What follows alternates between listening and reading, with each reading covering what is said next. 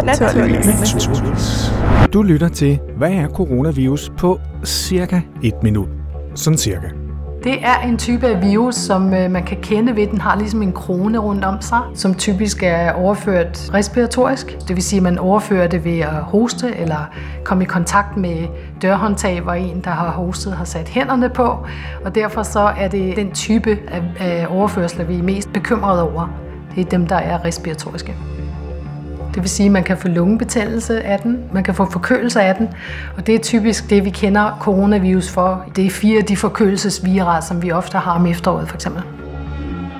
Det, der er vigtigt for viruset, det er at blive i stand til at overføres fra menneske til menneske, og det er det, som faktisk hele hemmeligheden er. Når man har en overførsel af en virus fra et dyr til mennesker, så om den så er i stand til at mutere, det vil sige, at, at dens arvemasse forandrer sig, sådan at den kan sprede sig effektivt blandt mennesker. Så for eksempel i 2003 var det formodentlig en overførsel fra flagermus eller øh, morkatte, øh, direkte kontakt med sådan nogle dyr, som ledte til, at vi fik en virus, som muterede i mennesker, og derfor var i stand til at skabe sygdom, og det var SARS som var en alvorlig lungesygdom, der spredte sig fra Asien og til Kanada og rundt i Europa. Og øh, så sidenhen har vi haft øh, MERS i Mellemøsten, som også er en coronavirus fætter. Og så har vi i 2020 en ny type coronavirus, som er en pandemitrussel, som ligesom de andre to. Altså for mig som pandemiforsker, så er noget, der er især spændende, eller faktisk lidt ubehageligt ved øh, coronavirus, når de kommer som en pandemitrussel, det er, at vi ved, at de kan, fordi vi har fire eksempler på, at coronavirus faktisk huserer blandt mennesker og giver forkølelser, så det kan være, at de kan gøre det en gang til.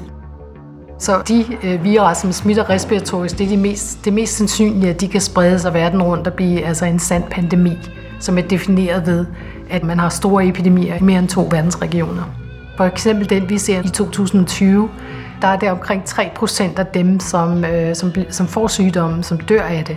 Og det lyder måske ikke af så meget, men det er faktisk rigtig, rigtig meget. Det er lige så meget som i 1918 spansk influenza, den spanske syge. Der var det måske 50 procent af hele verdens befolkning, der var smittet. Så bliver det til rigtig mange tilfælde. Hvis sådan en virus kom tilbage, så ville det svare til 50 millioner mennesker i verden, der ville øh, dø af sådan en, i sådan en pandemi. Så det håber vi jo ikke sker. Hvis man har en øh, respiratorisk sygdom, som for eksempel influenza, og man gerne vil reducere smittespredningen, så er det meget vigtigt, at man holder hygiejnen i orden, man vasker hænder, man øh, nyser ikke ind i hovedet på folk, man hoster ikke ind i hovedet på folk.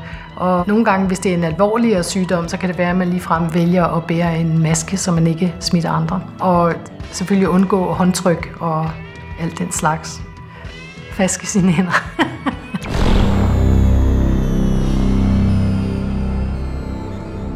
Du har lyttet til, hvad er coronavirus på cirka et minut. Det var Lone Simonsen, der fortalte, og hun er professor i folkesundhedsvidenskab på Roskilde Universitet. Mit navn er Nalle Kirkvåg. Jeg er redaktør og vært på podcasten Naturligvis, og det er jeg sammen med Cecilie Magnussen. På cirka et minut serien er produceret af Polygram Media, en socialøkonomisk medievirksomhed. Og det er serien i samarbejde med Ro Radio, Roskilde Universitets helt egen studenterradio. Vi har også en hel del andre podcast i på cirka et minut serien. Det er blandt andet, hvad er matematik, hvad er astronomi, hvad er solen, hvad er en pandemi, og hvad er formålet med naturvidenskab. Og det er bare nogle af dem, og dem kan du alle sammen høre der, hvor du også lytter til denne podcast. Tak, fordi du lyttede med.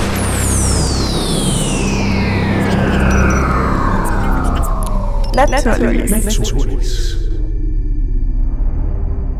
Og det er jo noget af det, vi vil undersøge. Ja, lige netop.